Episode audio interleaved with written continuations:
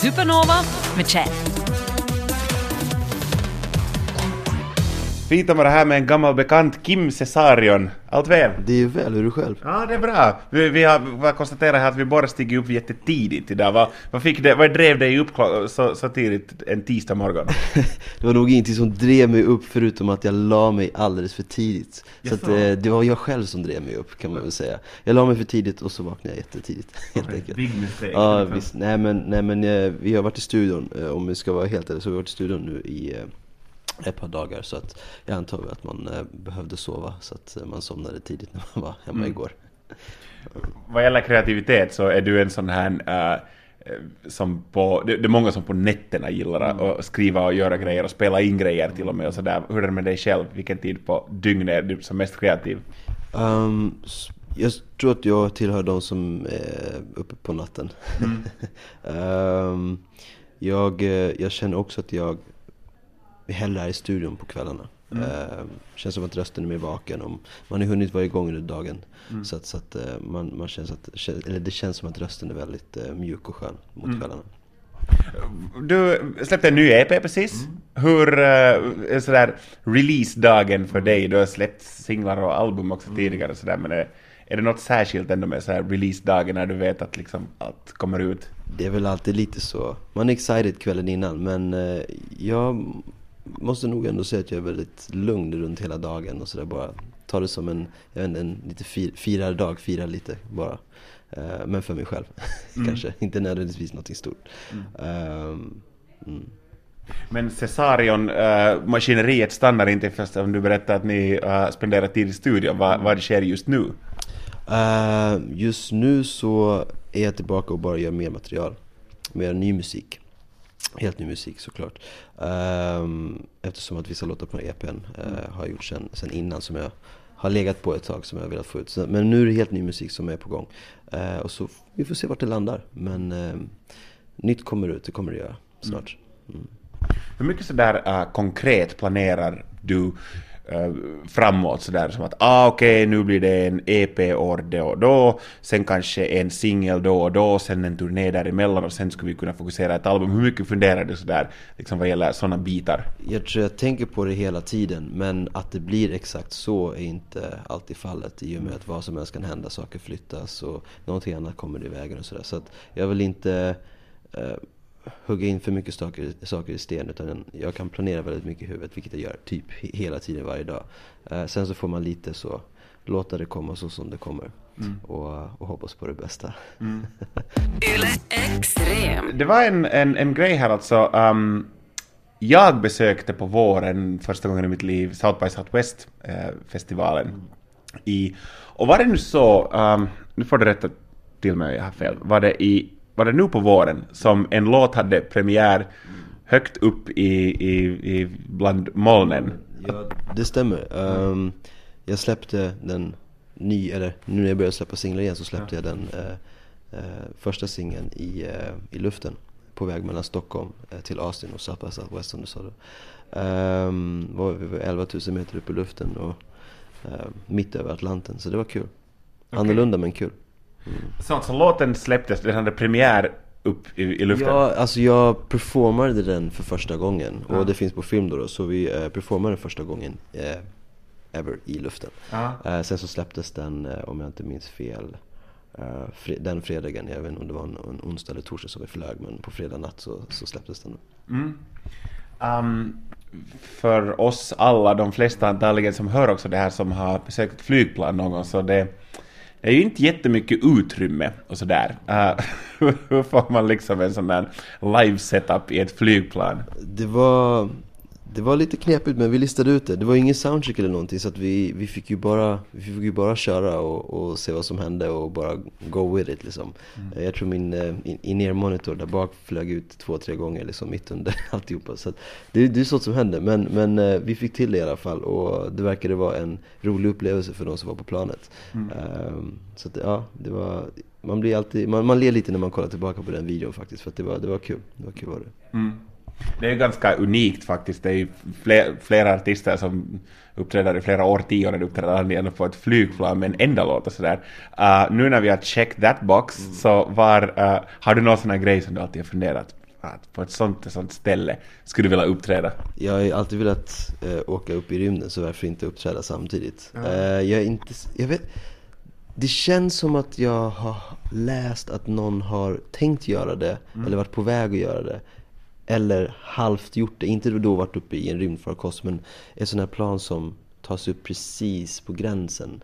Om du vet vad jag pratar om? Ja, exakt. Eh, så det går precis på, jag vet inte om de har gjort det än eller om det var på tal. Men om det inte har gjorts än så hade det varit kul att vara. Och vara en av de första kanske som gör det. Alltså jag tror, ehm, jag tror inte, nu kan det hända att någon som hör det här skriver in just nu och, och rättar till mig, men jag tror att människor har kungjort att någon kommer att göra det, men jag tycker inte att någon skulle ha gjort det ännu, så du har ändå en chans. Ja, det, det, ja jag tror vi har rätt. Ja. tror jag. Det kan finnas en chans kvar. Extrem. Det var ett tag sedan, alltså jag började faktiskt fundera när jag kollade lite tillbaks här på din diskografi och kollade lite det här, uh, det där vi spelar mycket i, i Finland också när du kom ut med debutalbumet Andresto och alla möjliga låtar spelades uh, massor och sådär. Men jag började faktiskt fundera att det är faktiskt bara ett album hittills. Intressant, för jag, jag, jag kommer ihåg helt fel när jag lite påminner mig själv häromdagen. Vad tänker du sådär? Det är många som anser att ah, men det kanske inte är nödvändigt med album mer, att det är mera singlar och kanske EPn. Vad tänker du?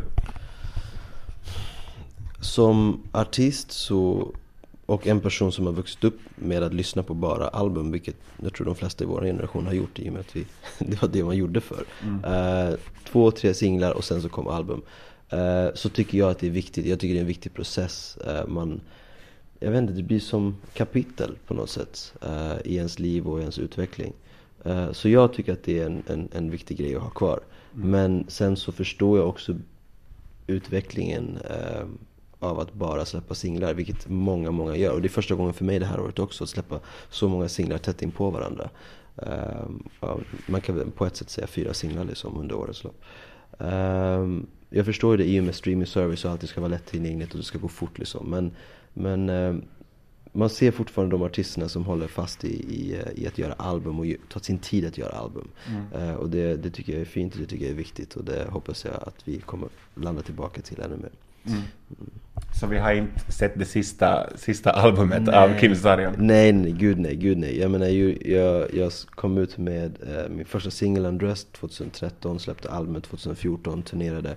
2015 så började ju en process av att eh, sparka mitt management och publishing och hela den grejen. Så att det, det tog ju liksom ett litet tag, det är därför jag varit borta. Eh, och nu är vi tillbaka och det första som händer är att vi fortsätter att släppa nytt. Så att det är, om det inte blir några mer stora hiccups nu så kommer det fortsätta så. så att Mer album kommer och mer låtar kommer och förhoppningsvis eh, en EP rätt snart också. Mm. Jag kommer ihåg när vi träffades senast här på samma kontor så uh, då hade du uh, relativt nyss släppt din första singel efter ett tag liksom. Du hade haft... Ja, precis. Ja. Precis, mm. Ja, du hade haft en, en lit, litet uppehåll och just som sagt lite möblera om eh, vad gäller diverse personal och sådär. Och jag kommer ihåg att man märkte en sån här uh, jättehård drive och iver, sån här genuin uh, drive från dig att nu liksom, nu kör vi och nu har det kommit flera låtar efter det också sådär. Uh, håller det i fortfarande samma drive? Ehm, ja, eller jag var ju tvungen att, att fortfarande ha i lite handbroms eftersom att allt var inte helt, var helt avslutat och helt klart. Eh, men, men jag är på väg att eh, hitta den driven och fortsätta den eh, driven som jag hade då nu, kan man säga. Jag minns att när vi tidigare också har snackat, och, snackat om till exempel dina egna förebilder och egna influenser så det har varit, vi har varit ganska ofta in på Stevie Wonder och Prince och Michael Jackson och sådär. Nu är det ju tyvärr så att äh, flera äh, gamla legender från genre till genre, äh, också säkert av, av dina egna hjältar, har, har, har lämnat, lämnat oss tyvärr. Finns det någon särskild människa som vi tänker sådär artists bortgång som har påverkat dig helt sådär genuint påverkat djupt, som att du hade känt den där människan? Uh, kanske inte som jag hade känt, men, eh, men absolut blivit påverkad. Jag menar, jag var i LA när Prince eh, gick bort.